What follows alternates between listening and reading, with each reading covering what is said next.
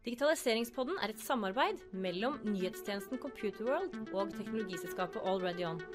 AlreadyOn utvikler hårete applikasjoner i skyen med agil metodikk for ambisiøse kunder. Velkommen til digitaliseringspodden.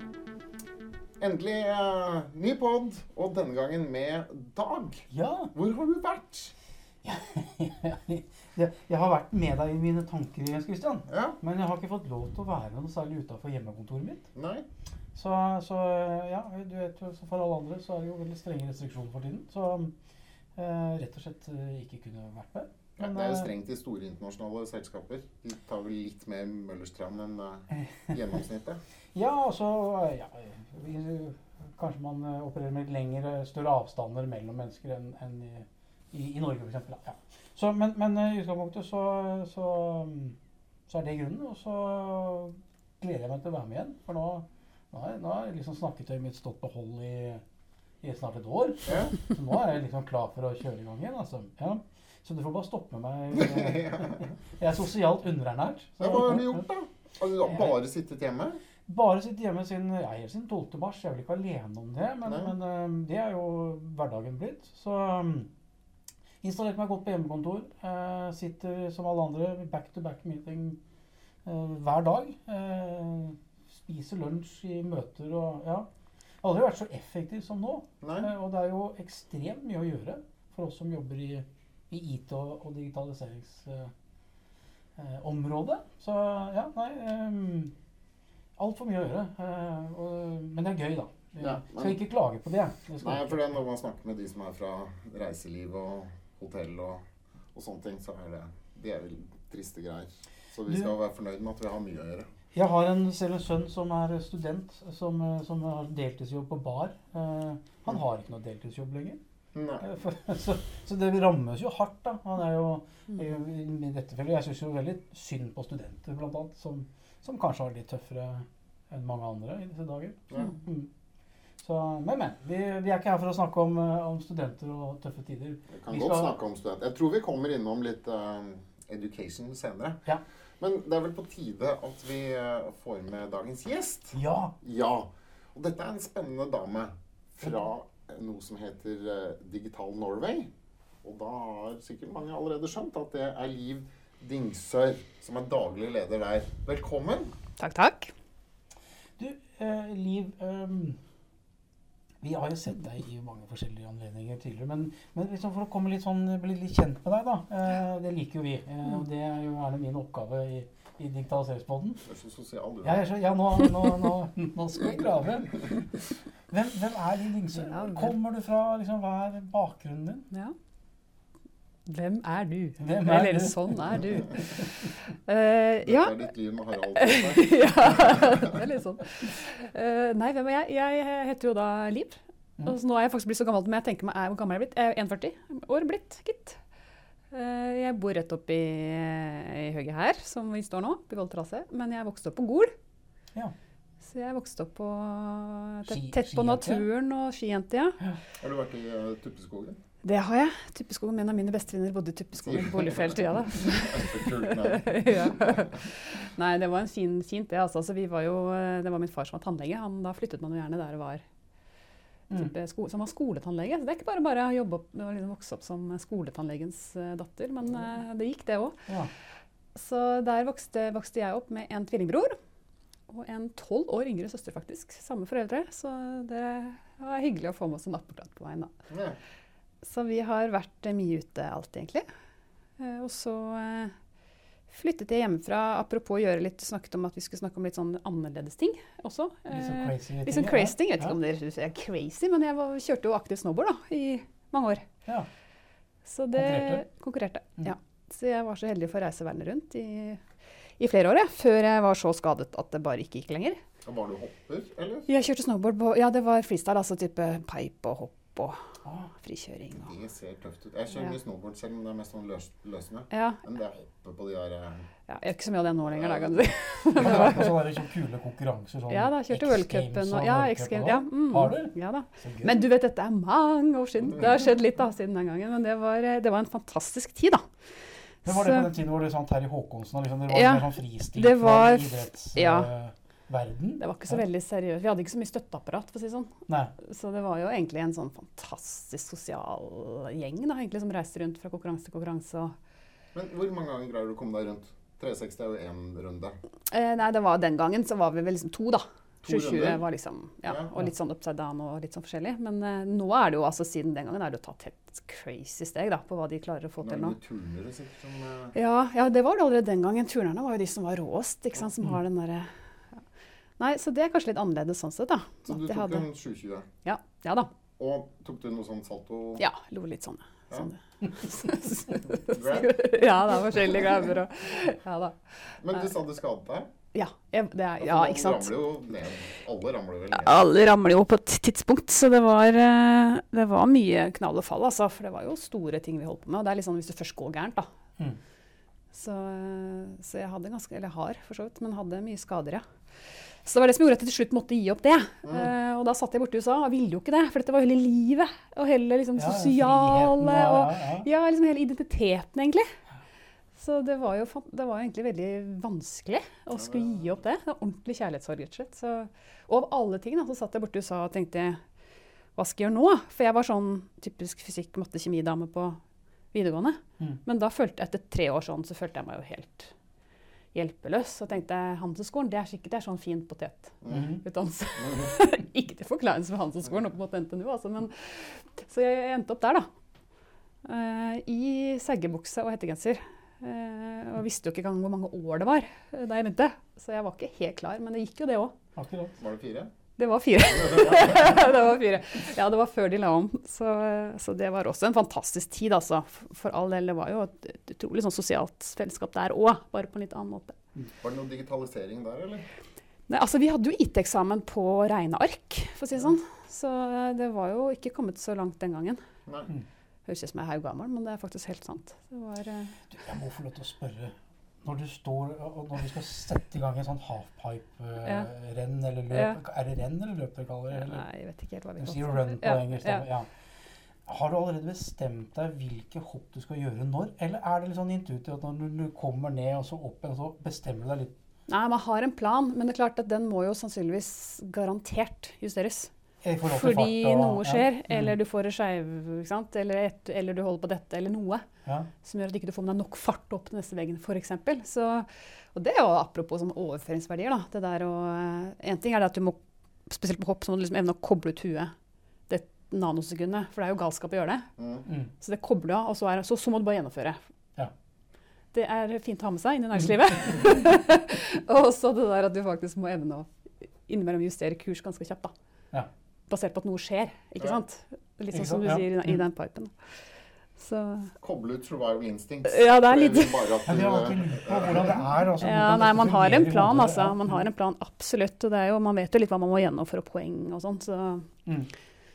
Vi må videre på digital Norway. Mm. Ja. Digital Norway. Digital Enten Norway. er det engelsk eller så er det norsk. Ja. Fun Eh, funker best med litt rødvin. Ja. Digital Norway. Ja. Fortell, hva er det? Altså, Det er ikke alle som vet, kjenner til den organisasjonen. Nei, nei og det, det skjønner jeg. Og det er jo en litt spesiell rigg på mange måter. Altså, bare for å oppsummere det med min bakgrunn som arbeidsmessig, så har jeg jobbet både i store og små virksomheter, og det er veldig fint inn Ja. i Diginorway. Eh, fordi jeg har jobbet både i DNB og Aker ASA, men også vært daglig leder i tre SMB-er, eller mindre virksomheter. Ja. da. Og det har vært fint, fordi vi er jo eid av de store, men så har vi på mange måter satt opp for å bistå eh, de mindre virksomhetene. Eh, Men du skal liksom kjenne litt til dynamikken i begge leire. eh, Mm. Og så jobber vi jo mer og mer eh, i skjæring av offentlig-privat, vil jeg si. Så vi ble opprettet i 2017, høsten 2017 eh, av 15 fremoverlente private aktører med støtte fra, fra KMD. Eller NFD den gangen, da. Så ble vi flyttet over til KMD med digitaliseringsministeren. Ja. Uh, og vi startet faktisk med å være sekretær for Digital21, som er regjeringens digitalis digitaliseringsstrategi. Det var det første vi gjorde. Mm. Uh, og så uh, var det jo Walter Kvam, vår styreleder, som på mange måter samlet denne gjengen. Det er jo ja, Dere kan jo se på nettsiden vår, men det er en fantastisk eiergruppering. Det var jo da Kongsberg og Telenor og DNB og Equinor og DNV og Mm. Statnett og hele gjengen. Ja, men de er jo veldig store, som du sier. Veldig store, ikke sant? Og det de så var, det vil si at Walter de holdt jo på med allerede den gangen Industri 6.0 holdt på med i Kongsberg. Ikke 4.0, det var 6.0. Ja.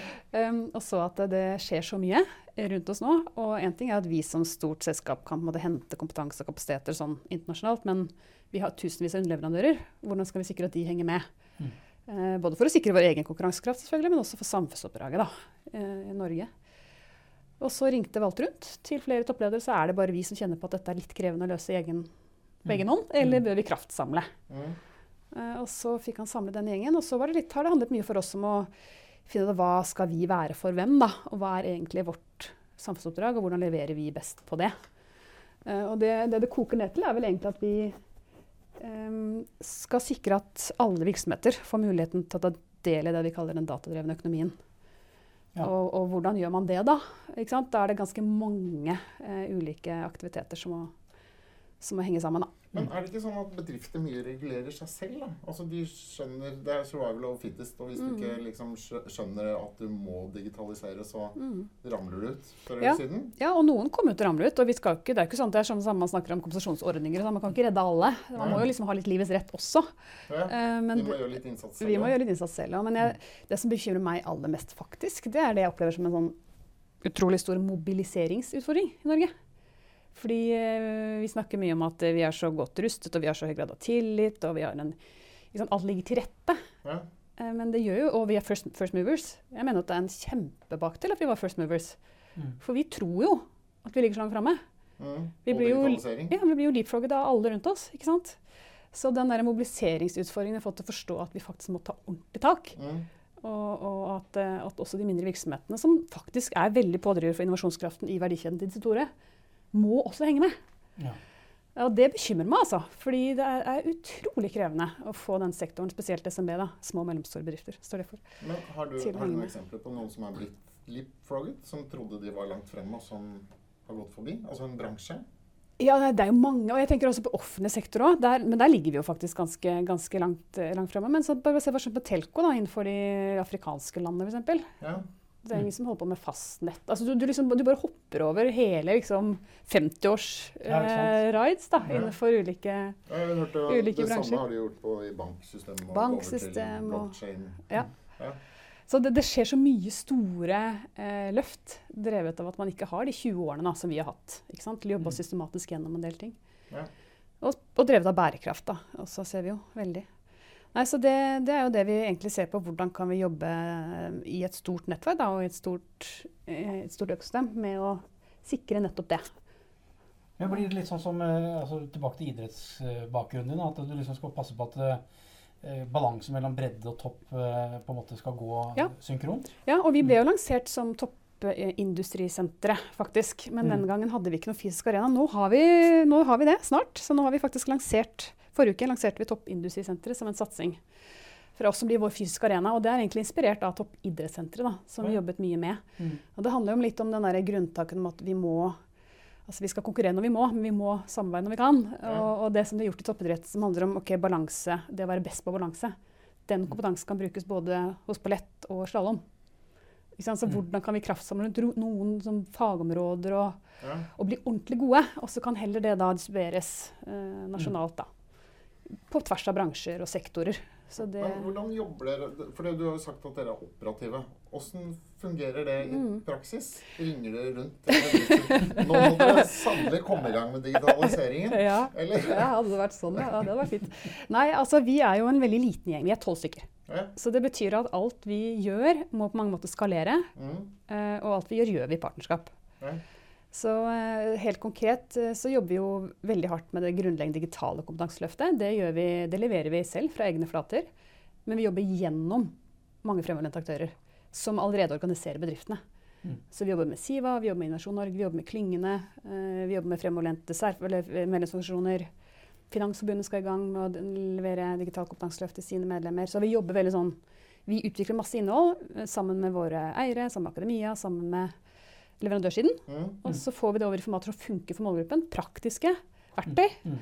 Og så distribuerer vi det ut da, gjennom disse partnerskapene. Så det er liksom det digitale grunnløftet. Eh, men så jobber vi også masse med etter- og videreutdanning. Så vi jobber med en hel bråte med videreutdanningsprosjekter hvor vi går inn sammen med den akademiske institusjonen, tar med oss klynger bedrifter inn i prosjektene. Og så utvikler vi og innoverer vi da, og piloterer nye videreutdanningstilbud Ja, tilbud som er tilpasset næringslivets Før vi går inn på den uh, Mm. education-delen, Ja. som det heter på norsk. Ja, ja. For det, du sa dere var tolv stykker. Ja. Er, det, er det teknologer der, Nei. eller er det mer administrator...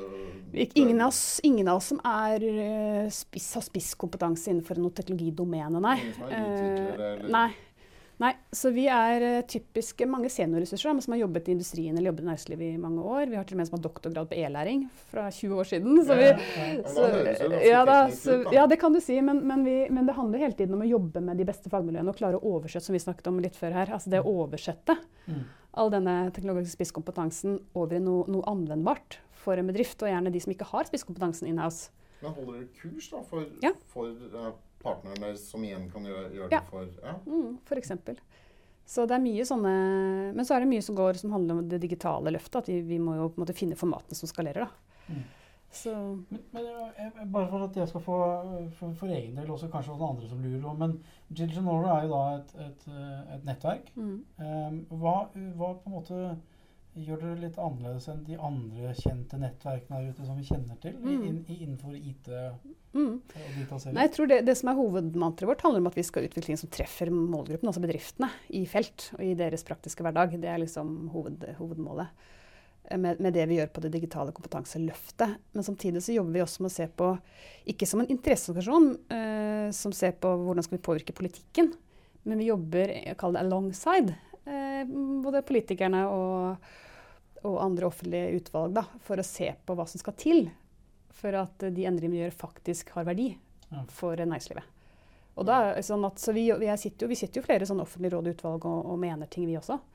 Men når vi er ferdige å mene, så, så går vi ut i felt og så ser vi hvem skal vi jobbe sammen med for å realisere disse anbefalingene. Så dere også utøver? Så vi utøver eh, definitivt, men da i samspill med da, offentlige og, og private aktører. Ja, for man må ha en, en eller annen gjennomføringskraft for at ting skal skje. Yes! Det er veldig mange der ute som skal vi si, prater visjonært og Ja. skal vi si, litt tåkeprat, og, Ja. så, og så blir det aldri gjort. Nei. Eh, og det er veldig fort gjort, for det, uh, for det er så mye enklere å prate om ting enn Yes. å få startet opp prosjekter. Ja. Nei, så der er vi litt, eh, der er vi litt uredde, da. I forhold til at vi må våge å bare sette i gang. Om ikke vi har alle svarene, så må vi i hvert fall Vi vet nok om retningen vi bør gå Ja. til at vi kan begynne. Ja. Eh, og så handler det om å få med seg de riktige hjelperne på veien. da. Sånn at dette hele tiden gir verdi Kontinuerlig. Alle medlemmer? Medlemsbedrifter? Nei, ja, egentlig. Altså, vi har jo eiere, Ja. eh, som er disse fem som har 15 eh, private aktører. Så har vi strategiske medlemmer som er offentlige aktører. Mm. Eh, og så kan du si at du kan få et medlemskap hos oss på våre nettsider, men det, akkurat nå er det helt kostnadsfritt. Det handler bare om at du, Ja. du logger deg inn og får tilgang til alt læringsmateriell. Ja. Men du kan registrere deg som Ja. et Digital Norway-medlem, Ja. da, Mm. som bedrift. Ja. Mm. Kan du også som privatperson? Ja. Har dere ikke vært inne på nettsiden vår og kost dere med alt læringsmaterialet vårt, altså? Nei, vi tenkte vi skulle høre en podkast om dette først. ja. Vi ville la det bli kvalitetssikret før vi faktisk tok stedet. Ja. Da. Ja. Ja. Nei, men Et sånn helt konkret eksempel på hvordan det kan være, da, bare for å ta det, Mm. er jo at forrige mandag så tok vi ut tre konkrete læringsreiser sammen med NHO. Som da gikk ut til alle NHO sine medlemmer. Eh, som var på Fra datt til verdi, altså eller forstå litt mer om det. Eh, digital markedsføring, som ble kjempepopulær. Masse, er over 1000 påmeldinger totalt. Og en som gikk på dette med mm, produkt- og tjenesteutvikling Mm. eh, digitalt. da. Og da leverer vi sånne to ukers læringsreise hvor du får ting inn i mailboksen din. Vi setter opp fagseminarer eller webinarer med eksperter. Eh, Mm. vi inviterer inn til diskusjonsgrupper. Rett og slett hjelper deg litt da, til Ja. å bygge ny kunnskap og kompetanse som du kan anvende ganske umiddelbart. Digital markedsføring er jo noe som Flere. folk virkelig trenger. Vir da. ja, det ser vi, altså. At det er en enorm etterspørsel etter ja. det. Mm. For det er jo måten å få ut produktinformasjon Ja, på. Og så ja. driver man med tradisjonelle måter å, å jobbe på, så Mm. er det jo liksom ikke der det, der det skjer. Nei. Mot ditt marked. Men da syns jeg vi skal komme inn på Vi, skal, vi må se litt på hva, hvilke hovedområder dere i Digital Norway Mm. eh, fokuserer på. Ja. Eh, og en av de tingene er jo dette med livslang læring. Ja. Og Det høres jo veldig flott ut, og det er liksom bredt kanskje, men kan du fortelle Mm. litt om hva, hva legger dere i det? Ja, ja Nå var jeg jo forstått i full gang med å snakke om noe av det, men det er jo de to områdene, dette med den, den digitale grunnkompetansen, som vi mener at den norske befolkningen og norske bedrifter må ha. Alle mann alle. Vi slipper liksom ikke unna, noen av oss, hva enn vi driver med. Snakker vi da liksom ned på datakort og grønn... Altså sånt? Nei, ja, nei, det er det andre som leser bedre enn oss. Så vi er kanskje litt, litt over det. Men, eh, men eh, det er egentlig drevet fram av veldig mange altså vi, vi gjør masse innsiktsarbeid sammen med målgruppen i forhold til hva er behovet. Vi har levert et sånn digitalt eller et program uh, ute hos jeg tror vi har vært gjennom 350 bedrifter jeg nå. Hvor vi jobber med konkrete problemstillinger rundt dette med å anvende teknologi til å skape ny forretning for kunden. Og da lærer vi veldig mye om på en måte, hvor er det det er manko. Ja. Og mange bedrifter kommer til oss og bare ja, helt sånn fatigue på dette digitale og digital. Digital, hva er det, liksom? Hva, hva er det jeg må kunne? Ja, eller hva er det jeg må kunne? Kan ikke noen gi meg et startsted, da? Mm. Um, så det er det vi har gjort. Så vi har bygget opp en vi kaller veiviserfamilie på, på vår, vår nettside, som tar for seg veldig vel mange ulike temaområder som vi mener at du må forholde deg til. Som bedrift eller ansatte i 2021, da. Enkelt og greit. Men er det, går dette litt sånn på å forstå at digitalisering Altså Hvis du ikke skjønner det, så syns du jo bare at det er et ork fordi du må sette deg inn i en hel masse nytt. Mm. Vi hadde jo han eh, Bendik Bygstad på, eh, i podkasten her Mm. det er en stund siden. da. Mm. Professor uh, innenfor digitalisering. Og han Mm. snakket jo om, om digitalisering som en ressurs Mm. på, på linje med mennesker Ja. og kapital. Ja. Ikke sant? Sånn Ja. å, å si at dette er et verktøy du kan bruke. Mm. Men det som også veldig mange jeg merker det selv, mange ikke forstår eller er særlig interessert i, er at det skal koste penger. Mm. Ikke sant? For skal du digitalisere, så må du jo sette av ressurser Mm. Du må investere noe. og, og investere. ja. Mm. Men det du får igjen, er jo mye større. Og du har jo brukt ordet skalere ganske mye Mm. eh, allerede. Mm. Det er jo typisk noe som skalerer, for der kan du jo bare skru på mer power på, på serveren. Uten at det koster så mye. Mm. Og så kan du på en måte overta Mm. og, og få gjort like mye som en person kan gjøre, eller flere personer kan gjøre. Mm. Mm. Men man må se det, da. Ja. Man må klare å sette ord på den verdien. Man må klare å, å, å gjøre, gjøre det relevant for bedriften. Og de som skal hva skal si, gjennomføre disse beslutningsprosessene i eget hus, må klare å bygge de business casene som går igjennom hos lederen, som kanskje ikke ser det samme. Ja. Mm. Så det handler om å bygge denne kompetansen da, som gjør at du faktisk kan understøtte det som det er behov for, åpenbart, men Ja. som er vanskelig å argumentere for hvis ikke du har nok innsikt. Mm. Så det er liksom et sånn kjempeviktig del av akkurat det. Og den andre delen innenfor dette grunnleggende er dette med skal det, bestillerkompetanse. Det å liksom få nok kunnskap til å forstå hva du trenger. Mm. Eh, og om det er mer kompetanse, eller Ja. om det er en hjelper, eller om det er en teknologi, eller hva enn den måtte være. Ja. Så gjøres det jo enormt mye feilinvesteringer i norsk næringsliv fordi man ikke har nok, spiss, nok bestillerkompetanse. Mm. Så det er noe vi jobber, eh, jobber mye med. Det er klart det er vanskelig også når du skal bestille. Også, selv om du ikke trenger å ha teknisk Du trenger ikke å kunne programmere for å bestille, men du må, du må ha peiling for å kjøpe peiling. Ja, du måte. må det. det. Uh, og, og det betyr jo da at, eh, at eh, du må liksom forstå litt sånn rammene rundt det. Du må skjønne at software går ut på dato hvis du ikke Ja. videreutvikler det. Du, Ja. må, du må skjønne forskjellen på å kjøpe ting fra uh, software as a service, som er et ferdig produkt, der du bare setter i gang og abonnerer på noe. Yes. Eller om du må utvikle noe selv. Akkurat og det. hvilket stort ansvar det er å, å, å ta tak i det produktet du selv har utviklet. For det eier du jo Mm. etterpå, og må Mm. passe på at fortsetter å fungere. Mm. Så alle disse tingene da, ikke Ja. sant? må vi sikre at folk forstår. Og så ser vi at nå jobber vi mer og mer med leverandørsiden også. Fordi eh, vi ser at noe, noe av det som skjer spesielt på den, dette SMB-segmentet, er at leverandørene forlater åstedet litt for raskt. Ja. Sånn at implementeringstiden av det du har kjøpt, er for, er for kort. Men det er fordi budsjettet er brukt opp. Nettopp. Så det å faktisk også bygge kompetanse på hva er det som kreves for å faktisk få verdi da, av det du kjøper og, og investerer i. Mm. At du må, det, er ikke nok, det, det er liksom ikke bare kjøpsøyeblikk, og så er du ferdig. Det er en ganske lang implementeringsprosess som skal til da, for at du skal klare å internalisere. det da.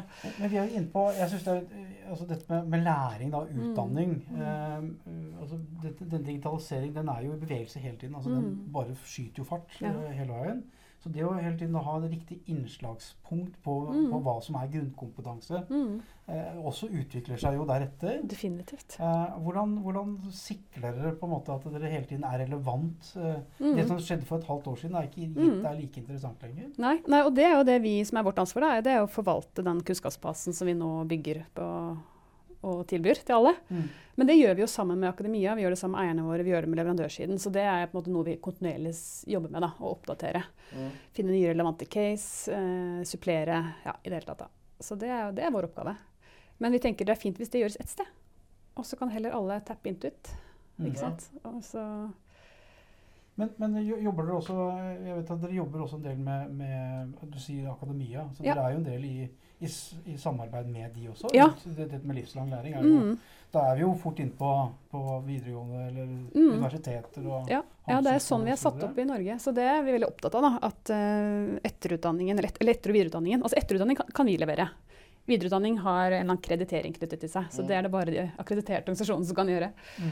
Eh, derfor jobber vi tett med de på å egentlig utfordre de på å levere bedre og mer tilpasset eh, et- etter, videreutdanning Mm. til næringslivet. Så da går vi inn i konkrete prosjekter. er- Vi er inne i 18 prosjekter nå tror jeg, totalt. eh, som enten er i utvikling eller piloteringsfase. Hvor vi tar med oss bedrifter og klynger inn. eh, og gjør masse innsiktsarbeid og, og jobber sammen med de for å sikre at det, om det er UiO eller BI eller OsloMet eller hvem det måtte være, faktisk tilbyr noe som er relevant. Og da er det ikke bare innholdet, det er også formatet. Eh, Det går på hvor korte skal modulene være. Er det 2,5 studiepoeng bare? Går det an? Eller må det være 10? Mm. Mm. Eh, må det være eksamen, egentlig? Kan vi ha mer hackathon, samlingsbaserte aktiviteter? Kan du jobbe mer med egne problemstillinger enn konstruerte problemstillinger? Bør du få med deg en verktøykasse når du går tilbake på jobben? I det hele tatt, Mange sånne ting som vi jobber med da, i, i felt. Og det vi egentlig gjør, er at vi tar tak i mange av de anbefalingene som vi kom med. Vi var med å revidere digitaliseringsstrategien til denne sektoren, som levert til Kunnskapsdepartementet for to uker siden. Ja.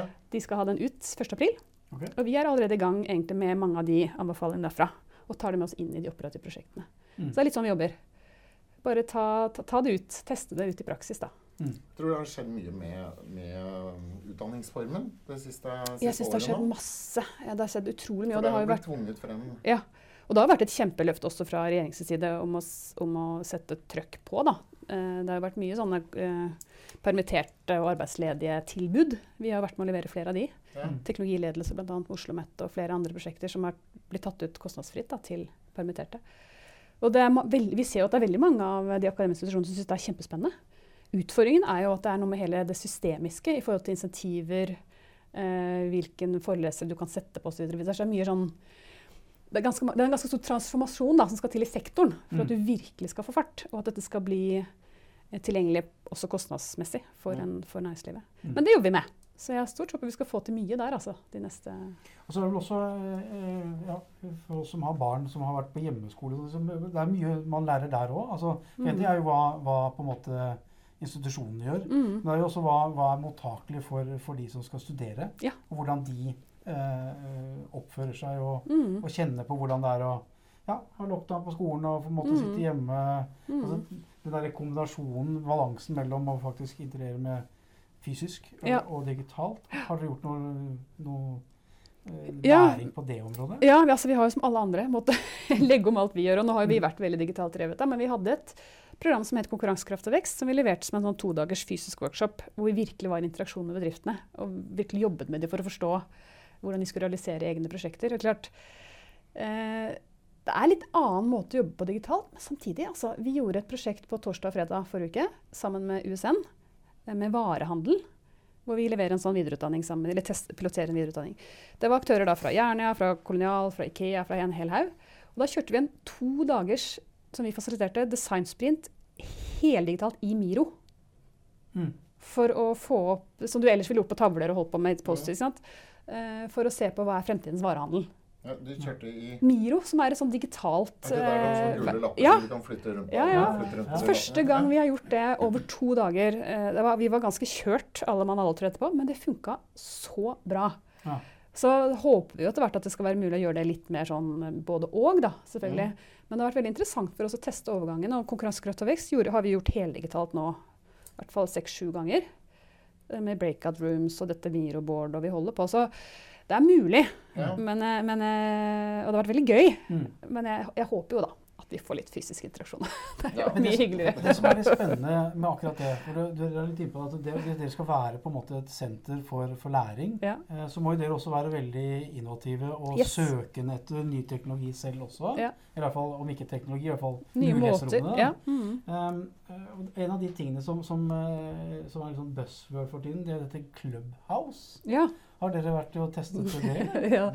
Nei, altså, jeg, jeg, jeg kjenner meg gammel vet du, når dette kommer, så jeg har skjønt at her må man bare prøve å henge, henge med. Men uh, vi leverer jo, eh, som jeg nevnte, disse, disse læringsreisene for uh, NHO, eller sammen med NHO. Og der har vi ett på um, uh, dette med tjeneste- og produktutvikling sammen med Reodor, som er et innovasjonshus. Mm. Og da, i klokka tolv i dag så har vi en, et webinar sammen med de, og etterpå så skal vi ha hangout i Clubhouse. Og, fors Hangout i Clubhouse. og fortsette diskusjonen. Så jeg er veldig spent på hvordan det funker. Ja. Ja. Men der må du være medlem for å få lov til Ja, å komme inn. Foreløpig så må du være medlem, men, de, men alle som kommer inn her, får jo muligheten til å invitere inn noen nye. Så vi håper at det liksom Ja, medlem i Clubhouse. Ja. Mm. Men Clubhouse det er en, en nytt sosialt medie. mm, Hvor kommer det fra? Vet du? USA? Ja, sikkert. Som, Som alt annet. Vi Ja. håper det ikke, blir ikke Kina. Ja. Men ja Nei, jeg tror det ble forbudt i Kina. Det var det siste jeg leste. Men, men hva, hva er det? Altså, Vi kjenner jo Instagram, Snapchat, Facebook, Ja, eh, altså, det er jo bare Twitter, YouTube. det er det, vi driver med, det er det vi driver med nå. Og Clubhouse her. Det er det vi gjør nå. Det er det at du bare samler deg i et rom rundt et eller annet tema, og så skravler man. Men, det, men det det, blir ikke, det blir ikke lagret. Ikke sant? Det blir ikke, det, når du har sagt det, så er det borte. Yes, så du er, er bare i en du, er, Du er en levende diskusjon som pågår her og nå. mm, Og du kan hoppe inn og ut av forskjellige rom og lytte Mm. eller delta ja. på en hel haug av Men pågående mennesker kan diskusjoner. være i ett rom, da. Jeg var inne i et rom i går hvor det var, jeg vet ikke, det var over 30. Det kan sikkert være hundrevis. Jeg har ikke peiling. jeg. Tror, jeg vet ikke om det er noen grense på det. egentlig. Ja. Altså Som bare Ja, ja. sitter og, hører? Ja. Mm. Og så er det en knapp som heter sånn 'silently leave', så da kan du bare snike deg ut uten at det liksom Ah, ja. Du kan på en måte besøke forskjellige rom og la deg inspirere og følge folk og høre på hva de har å si. og Liksom masterclasses, da, bare veldig lett tilgjengelig. Altså, føler du at dette kommer til å ha noe bli en hit? Ja, altså vi er jo blitt vant til å skravle digitalt, da. Men jeg, jeg er litt så spent på for Jeg må, jeg må rett og slett begynne å eh, bare grave mer i Clubhouse. Men første gang jeg hørte om det, Ja. det var faktisk på TV-programmet TV2. Den der 'Hver gang vi møtes'. ja. For han Hakim, han ene deltakeren der, Ja. han snakket så varmt om Clubhouse, for det var hans måte nå å kunne eh, Ja. snakke med sine, Ja. sitt publikum. Mm. Og, det, og så ligger det litt i navnet Clubhouse, at, at dette var liksom musikkorientert Mm. Det er jo veldig fancy Med, Ja, ikke sant? At, eh, at eh, artister skulle kunne Mm. være- komme i kontakt med publikummet sitt. Men nå har det tatt helt av i forretningslivet. Ja. Og, og det sånn, har, var det egentlig meningen fra begynnelsen av? Det Jeg tror folk opplever at dette må vi finne mer ut vi finne ut av. Ja. Jeg syns det har litt sånn kreativ touch enda, da, Mm. opplever jeg. Mm. Uh, Så, så det er litt sånn design, ja, produktutvikling altså Det er liksom den delen av digitaliseringen, Ja. opplever jeg. Men det, det kan jo endre seg. Men hver gang det kommer en ny sånn um, plattform, Ja. Så sitter han her med markedsførere her ute. Ja. også de som er gode på e-markedsføring. Mm. Så åssen skal vi ødelegge dette? Ja. Åssen skal vi bare få fylt dette med, Ja. med mitt innhold? Ja, det er det de, det er det de tenker. De tenker ikke på en sånn negativ måte, Mm. men det er det de, de ønsker. Eh, så jeg vet ikke, den er kanskje ikke reklamefinansiert enda. Det, det poppet ikke opp noe hos meg i går, men det, det, kan jo, det vil jo garantert endre seg, det òg. Altså. Ja, du må men- jo få et visst volum først. Det geniale de Clubhouse har gjort, er at de har gjort det litt eksklusivt. Altså Du må bli invitert. Ja. Eh, og det er det som er hele boomen her. ikke sant? Mm. At, Det eh, er bare litt sånn motsatt eh, grensesnitt. Eller, altså, du, du hadde jo samme med Gmail i begynnelsen. Så Mm. måtte du få en invitasjon for å komme inn på Mm. Gmail. Mm. Men det var ikke noe forskjell på Gmail og Hotmail. Sånn, Overhodet ikke. Nei, Det, det er bare bare hvordan det eksklusivt hyper opp, på den ikke sant? For å få en, få en attention rundt det. Mm. Og det har de jo absolutt fått. da. mm. Så nå er det jo sånn at ja, jeg må få meg en invitasjon, så jeg kommer meg inn. Ja. Men det er litt Men eh, kunne vi hatt en uh, digitaliseringspodden? Kunne vi hatt en sending på Ja. Clubhouse? Hadde det gått? Ja. Åssen hadde det funka? da? Det må du ikke spørre meg om. Ja, Altså. men, og alle lytterne, for vi har jo en del lyttere. ja, inviterer de, de. skulle de begynne å blande seg inn i Ja, da hadde de ikke fått snakke i fred. Vi får ikke lagret det og lagt det ut etterpå, da. Så det er jo da en Det kan vi lagre selv. Ja, det det det er kanskje Da bryter vi kanskje Ikke- noe av den Ikke vær påståelig om at vi får lov til det, da. For det kan vi må Nei, det er det jeg sier. ja. Det kan godt hende at det ikke er, er lov, eller det er en del av kontrakten. da. Ja, ja. Det blir omtrent som å ta screenshot av Snapchat. Ja, men jeg syns dere skal invitere en Clubhouse foreløpig ekspert neste gang. Så kan snakke om dette her.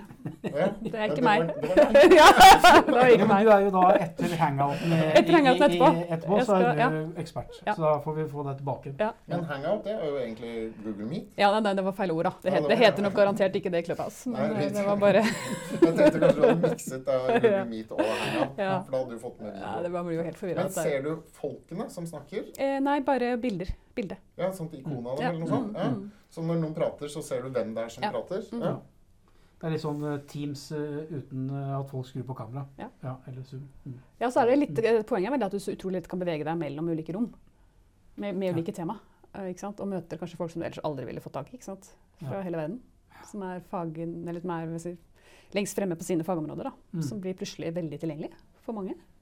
Og det er ikke noen som stenger døra, tror jeg. Jeg tror du liksom kan Ok, Så- så Litt hvis sånn gamle IRC-nettverk Ja, i gamle dager. der var det jo kjempeanonym. Ja. sånn ser jeg for meg at Hvis Ellen Musk for eksempel er med på en sånn clubhouse, populært rom, ja, sikkert. så kan vi rase inn der og så kan vi begynne å prate med Ellen Musk Og det skjedde jo her for ikke så lenge siden.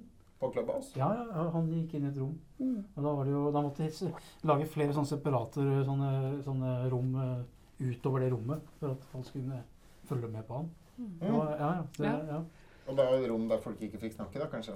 Ellers hadde du vært bare sånn- Mute, mute rooms. Ja, men hvis du putter tusen mennesker inn i et rom, og alle får lov til å prate i munnen på Nei, hverandre, så det der. er det jo ikke mulig å Nei. Men det har de kanskje løst litt sånn teknisk? Ja, det, er det må jeg sjekke ut hvordan det funker. Det høres vi sikkert kjempeteit ut. Du står her og så har du ingenting å glemme. Altså. Drømmer om Ja, hvordan Men, men det var avsporing. Jeg skal invitere dere Ja, inn, men har prøvd det, så det- Ja, ja, men jeg skal invitere dere inn, så kan dere teste det sjøl Ja. etterpå. Du, eh, morsomt med litt sånn avsporinger. Men vi må tilbake igjen på, på, på Digital Norway.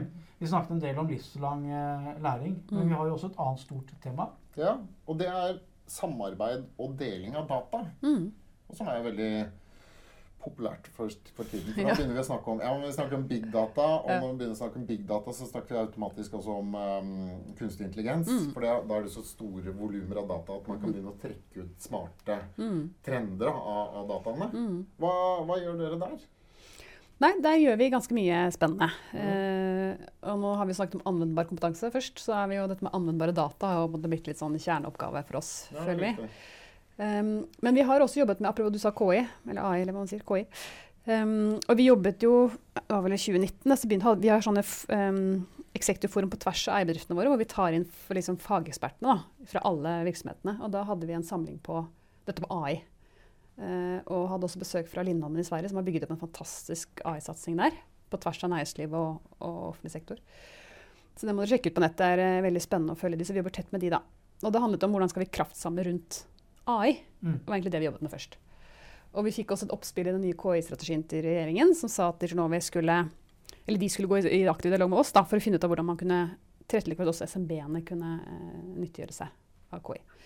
Og, det var, og da ble det en liten sånn endring hvor vi så at skal vi virkelig få til en kraftsamling med KI, så må vi også sikre at vi har anvendbare data. KI, det betyr kunstig, Kunstig intelligens. intelligens, Eller ja. AI, som er Ja, artificial intelligence. Ja, det går litt i surre der, men vi får, vi får bruke KI, Ja. egentlig. Så Ja, liksom ja. Likte, likte KI. vi. Bare, Ja. ja. Ja. KI var bra. KI. Yes. Uh, så da begynte vi å jobbe med det. Og så så vi også at uh, i Norge så er vi jo satt opp på en spesiell måte. Vi har veldig gode eh, offentlige datakilder. Uh, som det burde vært mulig å lage mye mer næringsutvikling på. Mm. Eh, men det er ikke helt enkelt for en bedrift å finne fram. Eh, Så da eh, så vi at vi har lyst til å gjøre noe som går litt mer på tvers, og litt mer systematisk da, på tvers av offentlig og privat sektor. Og gikk sammen med Digitaliseringsdirektoratet. eh, Og søkte, eller søkte gjør man egentlig, ja det er vel det man gjør, strengt tatt, om midler til å realisere et konsept som vi kalte da Datafabrikken. Mm. Så jeg kan si litt mer om det. Men det fikk vi faktisk eh, midler til over statsbudsjettet i, nå i 2021. Så det var jo en helt ekstremt rask prosess. Så der traff vi tydeligvis en nerve. nerve. Men da må det være en god slump også, da, hvis det står på Ja, vi fikk 16 millioner nå på første 2021. Da, så har vi jo søkt om et fireårsprosjekt. Så det er klart det er jo begrensa hva du får for 16. Og det er vel også, slump, det er en slump, og det, Ja. men litt, litt til poenget er vel nettopp det at eh, målet ikke nødvendigvis er å bygge så innmari mye nytt, for da blir de fort spist opp, for å si det sånn. Ja. Så det det handler om nå, er jo å bygge innsikt rundt hva er det som er de reelle og egentlige barrierene som gjør at ikke vi får til mer rundt dat datadeling i praksis. Mm. Og med utgangspunkt i SMB-enes behov. For løser vi deres behov, så løser vi alles behov. Og da har vi jo funnet opp en hel eh, ikke, Vi har ikke funnet opp, det var helt feil. Vi har funnet frem til en, eh, en hel haug med ulike barrierer som er ganske gjennomgående og grunnleggende. Mm. Og så er spørsmålet hvorfor i all verden skal 200 000 SMB-er i Norge løse de hver for seg? Mm. Det er både samfunnsøkonomisk ganske dumt og helt, sannsynligvis helt umulig for dem. Men det er jo mange av de som du sier, mange av de kildene som er åpne.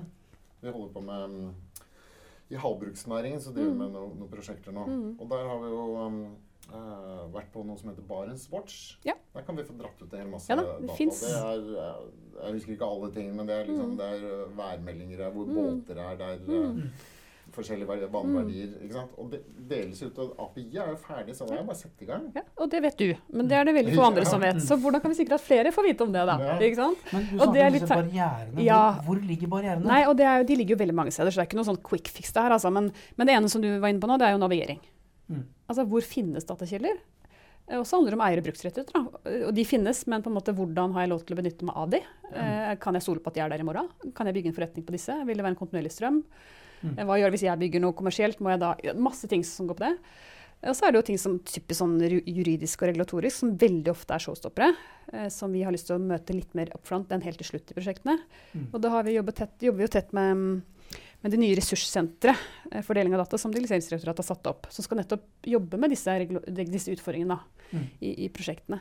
Og så er det jo alt som du snakker om med tilgang med API-er, og hvordan er det liksom kobler meg på, og hva må jeg fikse. Og så er det dette med alt sånn GDPR, regulatorisk vask og rens. Mm. Da jobber vi sammen med Datatilsynet. De har en sånn sandkasse på GDPR, blant annet. Se på kan, og så er det spørsmål liksom, hvordan kan vi ta opp alle de utfordringene som alle baler med, og hvordan kan vi få det over i noen felleskomponenter eller formater som gjør at flere kan benytte seg av de Mm. et sted. Eh, og så skal, løser jo ikke vi alt på datafabrikken, men vi kan løse nok Mm. eh, til at enda flere bedrifter klarer å forstå eh, både om de har noe verdifullt å jobbe videre med, om det er noen relevante kilder å koble seg på, og eventuelt hva de må gjøre for at de skal klare å skape verdi. da, i andre enden. Så det er jo et hav av flere barrierer. Altså, men det, liksom, det handler om liksom hvor, hva, hvordan samler vi og skalerer vi opp disse felleskomponentene. da. Det som er verdt å nevne også, synes jeg, da, i diskusjonen, er at eh, i Norge så har vi veldig mye tilgang til mye Mhm. bra data. Masse bra. Eh, og det er ikke alle og det høres litt rart ut når man sier det, men det er ikke alle land i Europa engang som har et folkeregister. Nei. Som er som for oss veldig grunnleggende. Mm.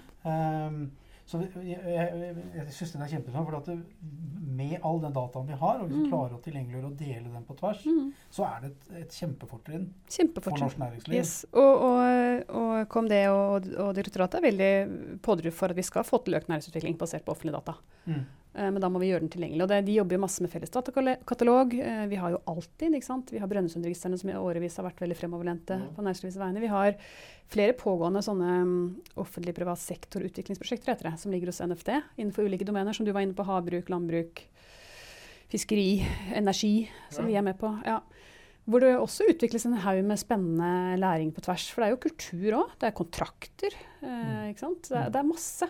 Eh, og, og hvordan kan vi da i Digenome bidra til å hente det beste og beste praksis fra disse ulike prosjektene? Ja. Og så dra det opp, eh, sånn at ikke alle må finne opp kruttet liksom hver eneste gang. da. Nei. Man skal i gang med et prosjekt. Ja, det skjønner jeg jo, for det Ja. er jo mye man skal sette seg inn i. Det er krevende, i hvert fall for de mindre virksomheter som ikke har store fagmiljøer eller, eller liksom mange folk å trekke på. mye av de eh, registrene vi har snakket om nå, Mm. folkeregister og Mm. uh, Barentswatch og alt dette her, Mm. det er jo offentlige. Er det, men er det noe interesse blant næringslivet på å begynne å dele data? Ja, det, det absolutt. Eh, Men der igjen handler det om liksom, hva er de gode kontraktene som, gjør, altså, som intensiverer deg til å gjøre det. Da? For det er jo ofte dyrt. Å dele? Og, ja, Ja. det er dyrt å dele, for det er dyrt å, å, å gjøre dataene klar. Mm. Kvalitetssikre den. Det er dyrt å hva skal si, holde den, holde den kvalitetssikret. Og, Og forvalte dataen, den. Da ja. det jo Så da er du inne på hvilke forretningsmodeller må Ja. vi, må vi på en måte utvikle da, for at dette skal gi mening for alle parter, både tilbyder og bruker. Da. Så det er jo et hav av eh, spennende, spennende ting å ta tak i. Men, eh, men vi er litt sånn, vi tenker at vi klarer ikke å bygge datafabrikken top down sånn dag to. Nei. Så vi jobber egentlig nå med en del konkrete pilotprosjekter. Hvor vi rett og slett jobber sammen med en koalisjon av aktører og ser på hva skal til nå, da. Mm. For at vi klarer å løse akkurat denne problemstillingen, og, og hvordan kan vi skalere det etterpå. Så vi jobber hele tiden med å bygge den funksjonaliteten innenfor disse ulike barrierene. Sakte, men sikkert. Eller ganske fort, egentlig, håper vi. Men uh, gjennom 2021 da, så er det hovedfokus. Rett og slett jobbe i prosjekter og identifisere da hva er barrierene, og hvordan treffer de brukeren. Sånn egentlig og konkret. Ja, du, du nevnte jo dette med kraftbransjen. Ja. Er det en av de prosjektene? Ja, det var egentlig et, et, et større prosjekt som vi begynte med, jobbet med opp eh, for et par år siden sammen med Statnett og Lyset, da, som var to av våre eiere. Med Mhm. å se på hvordan kan vi jobbe mer systematisk med datadeling mellom nettselskapene.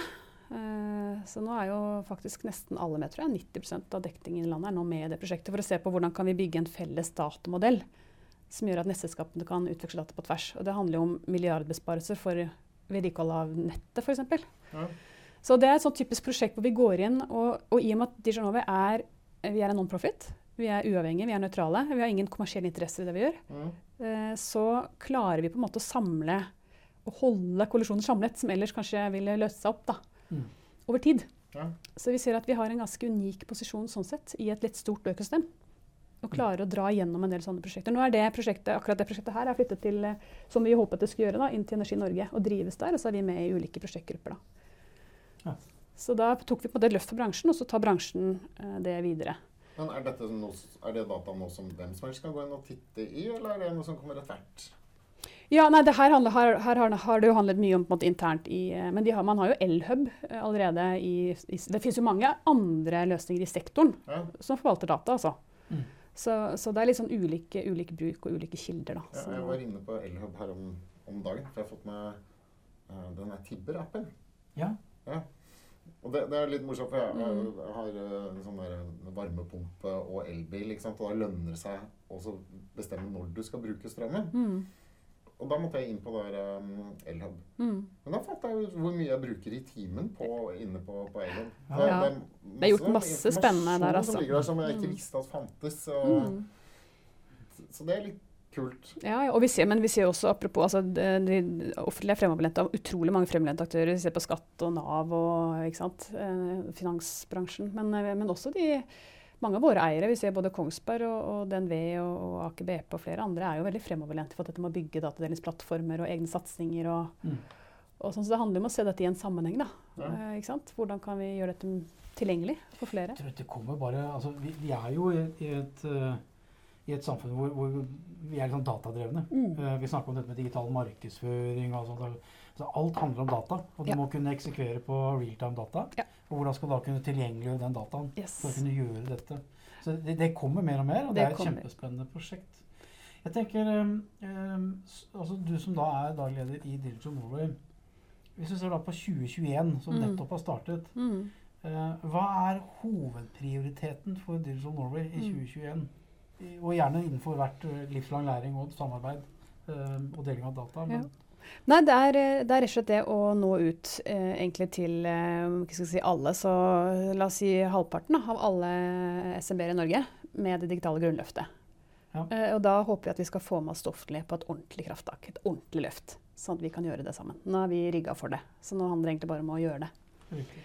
Så det er et, et hovedmål i, i 2021. Og så handler det også om å virkelig bidra til å eh, hva skal jeg si, implementere mange av de anbefalingene fra den nye digitaliseringsstrategien til UH-sektoren, altså universitets- og høyskolesektoren.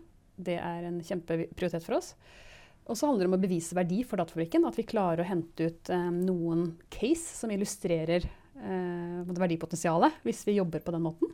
Mm. Og det er, en, det er et stort løft, altså, men det er, en, det er en, eh, virkelig en, eh, prioritet for oss. Så ja, Og så har vi en hel haug med omkringliggende aktiviteter da, som skal til for å få det, for å få det til. Da er selvfølgelig først Oppfølgingsspørsmålet er veldig enkelt. Da, om mulig. Eh, Hva slags skjær i sjøen ser du? Altså Hvilke utfordringer har, ser dere for å, for å gå på veien? Ja. Nei, altså, det vi måtte bruke utrolig mye tid på, da, som kanskje liksom ikke er så synlig, det er jo det å jobbe på tvers. Altså det å få aktørene i økosystemet til å forstå at de må samhandle. Ja. Uh, og, Hvilken verdi det gir. Ja, og det at vi må altså vi, Jeg har liksom ett sånn kjernepunkt som jeg, ble, jeg blir helt matt nesten hver dag over akkurat der. Men det er dette her med at vi må slutte å duplisere så mm, mye i Norge. Og heller tenke på hvordan kan vi komplementere og forsterke hverandre. Det er liksom vårt mantra hele veien. Hvis noen gjør noe bra, så skal ikke vi gjøre det. Men vi skal sikre at det henger sammen med, med det de andre gjør. da. Ja, hva mener du med det? Altså, tenkte du på databasenivå, eller? Ja, altså, du, det, her, det, her kan du egentlig, det her kan du egentlig her kan du bruke på alle nivåer, faktisk. Altså. Og, og det, I og med at vi jobber veldig i skjæringa, vi jobber med de store, vi jobber med de små, vi jobber tett med virkemiddelapparatet, vi jobber med offentlig sektor, vi jobber med akademia, vi jobber med, og, forskning, og forskningsmiljøene også. Så klart at så ser vi jo at det tenkes jo Det er ikke sånn at alle tanker er helt unike på tvers av disse aktørene. Nei. Eh, og jeg blir jo helt satt ut av liksom, de jeg åpenbart trodde snakket sammen, som ikke gjør det. Ikke sant? Så det er nok litt sånn kjernen Det er litt i kjernen av det vi gjør for å få til de ting vi skal få til raskere, som er vårt mål. Ja. Eh, Så handler det veldig mye om å få de riktige aktørene til å faktisk begynne å samhandle også operativt, og ikke bare på PowerPoint. Og ikke bare på liksom anbefalingsnivå, men liksom hvordan skal dere faktisk nå begynne å samhandle i praksis for at vi skal få til disse tingene. Og det handler om å faktisk se det på tvers da, av offentlig privat i mye større grad tror jeg, enn det vi har gjort eh, før. Ikke sant? Du har litt helikopterview over ting. Det å ha helikopter og det å forstå hvem som faktisk må kobles for at vi skal klare å realisere en del ting. Ja, Så det er ikke lett. Det er en Altså, kjempeoppgave. Det veldig ofte at man sitter i et møte, og så er det Ja, nei, men dette, dette må vi få til noe sammen på. Ja. Og så bare renner ut. Det renner ut. Rett i skuffen. Ja, det er 99 altså. Ja. Ja, Altfor ofte. Ja, så vi kaller oss sånne gnagere. Vi gnager på, sier vi. Vi gir oss ikke. Ja. Og, og vi holder folk fast Ja. ikke sant? til vi klarer å finne ut av hvordan dette faktisk skal realiseres. Så man skal ha ganske sånn tålmodighet og standhaftighet for å jobbe i Tsjernobyl. Altså. Ja. Eh, det vil jeg tro. Men det er jo en sånn greater good samfunnsoppdragsting som ligger i bånn her. Så mm. dette her, det er jo heldigvis er det jo enklere å jobbe med disse tingene når ikke man gjør det for egen vinning. Ikke sant? Da når vi gjennom på en annen måte, og vi klarer på mange måter å bygge kollisjoner på en annen måte òg. Så det er jo fint, da, sånn sett. Men det er klart hvis noen andre ser noen kommersielle interesser av å samarbeide med dere, så er vel det også det noe som Mm. Absolutt. gjør at det, det blir noen flere som, som blir gnagere. Ja, jeg håper at det skal komme masse kommersielt ut av Datafabrikken. Og jeg håper virkelig at Akademia og andre partnere klarer å bygge kommersialitet rundt nye måter å levere læring på. Mm. Det må vi jo håpe på. Da skjer det i hvert fall raskere. Ja. Du, um, vi, vi begynner å gå inn for landing uh, tidsmessig. Um, vi, eh, skal vi oppsummere raskt, uh, Jens Christian? Du er Ja. Hva har vi gjort i dag? Eh, Ja, nei, vi har jo eh, Liv Dingsør i studio, Ja. som kommer fra Gola og har drevet med snowboard. Jeg tar ikke helt den, Mm. men som i dag driver eh, Digital Norway. Og det er et nettverk for SMB-bedrifter som gjør at de skal lære seg mer digitalisering. Og som også gjør at eh, alle på tvers skal dele data. Jeg, får jeg sikkert litt kjeft av deg etterpå. for- Det var veldig kort. Det er de, de temaene vi har vært innom. da. Ja, sånn Livslang læring og samarbeid og deling av data. Ja, og så har vi funnet ut at vi må sette oss inn i hva det er Clubhouse. Clubhouse er, det, synset hva det er, men det er hjemmelekse for, for oss i studio. Ja. En av de tingene vi alltid spør gjestene våre om uh, før vi slipper de ut, Mm. eh, for vi har jo låst døren Ja, jeg ser det. uh, det er uh, hvis du eh, skulle få lov til å velge hvem du skulle høre på som gjest Mm. i Digitaliseringspodden, hvem skulle det være? Mm. Ja, og det er altså så mange spennende mennesker vi kunne trukket inn her, altså. Men eh, jeg har lyst til å trekke fram ett case og et menneske, egentlig. Begge deler. eh, som jeg var så heldig å møte i forbindelse med at jeg satt i et utvalg som ga innspill til den nye stortingsmeldingen om datadreven økonomi og innovasjon. Ganske relevant for denne podden. Eh, det var ledet av Alexandra Bekke Gjørv. Vi var ti stykker som var med i det utvalget. Og der var en som heter Erland Kjesbø med. Som representerer noe som heter landbrukets dataflyt Oh, som handler om hvordan landbruket over mange år eh, har jobbet med å sikre bonden eh, verdi Ah. gjennom en hel haug av ulike da, er kollisjoner og samspill. Bærekraft, eh, bærekraftsrapportering. Ja. Mye spennende. Og Erland er en fantastisk nedpå og likandes kunnskapsrik fyr som evner å formidle på en det er måte. Det fagområde måte. eller en industri vi ikke har vært innom uh, ennå. Nei, og jeg, bare, jeg ser på meg all den dataen. eh, Mm. fra, fra krybbe til død på, på Mm. ja, om det er hus, eh, husdyr eller om det er Mm. korn. Eller, ja. Nei, det, det, det hørtes jo kjempespennende ut. Ja, og det er et eksempel på et sånn offentlig-privat sektorutviklingsprosjekt. Og så Mm. har vi en av våre eiere med som er Sintef. Som har sett på forskningsdelen på denne klimakalkulatoren, som jo dere også sikkert syns er gøy å høre om. Så nei, masse snacks i det caset der. Erland Kjesbø, Ja, hvis du hører på, så send meg en mail til post.allreadyon.com. Så skal vi få deg inn som, eh, som nest, uh, gjest. Nest gjest Ja, i eh, digitaliseringspodden. Jeg tror det får være siste ord sagt i denne podkasten. Jeg sier tusen takk til Liv Dingsør fra Digital Norway. Og så er jeg veldig glad for at Dag Rustad er tilbake i studio. Og selv heter jeg Jens Christian Bang. Takk for i dag. Takk til alle nerder, savvies og futurister som gir digitaliseringspodden mening. Dag og Jens Kristian blir kjempeglad om du abonnerer og gir oss en strålende anmeldelse. Vil du lære mer om digitalisering, kan du laste ned digitaliseringsguiden fra alreadyon.com slash digitalisering. Til vi høres igjen, ha en fantastisk uke.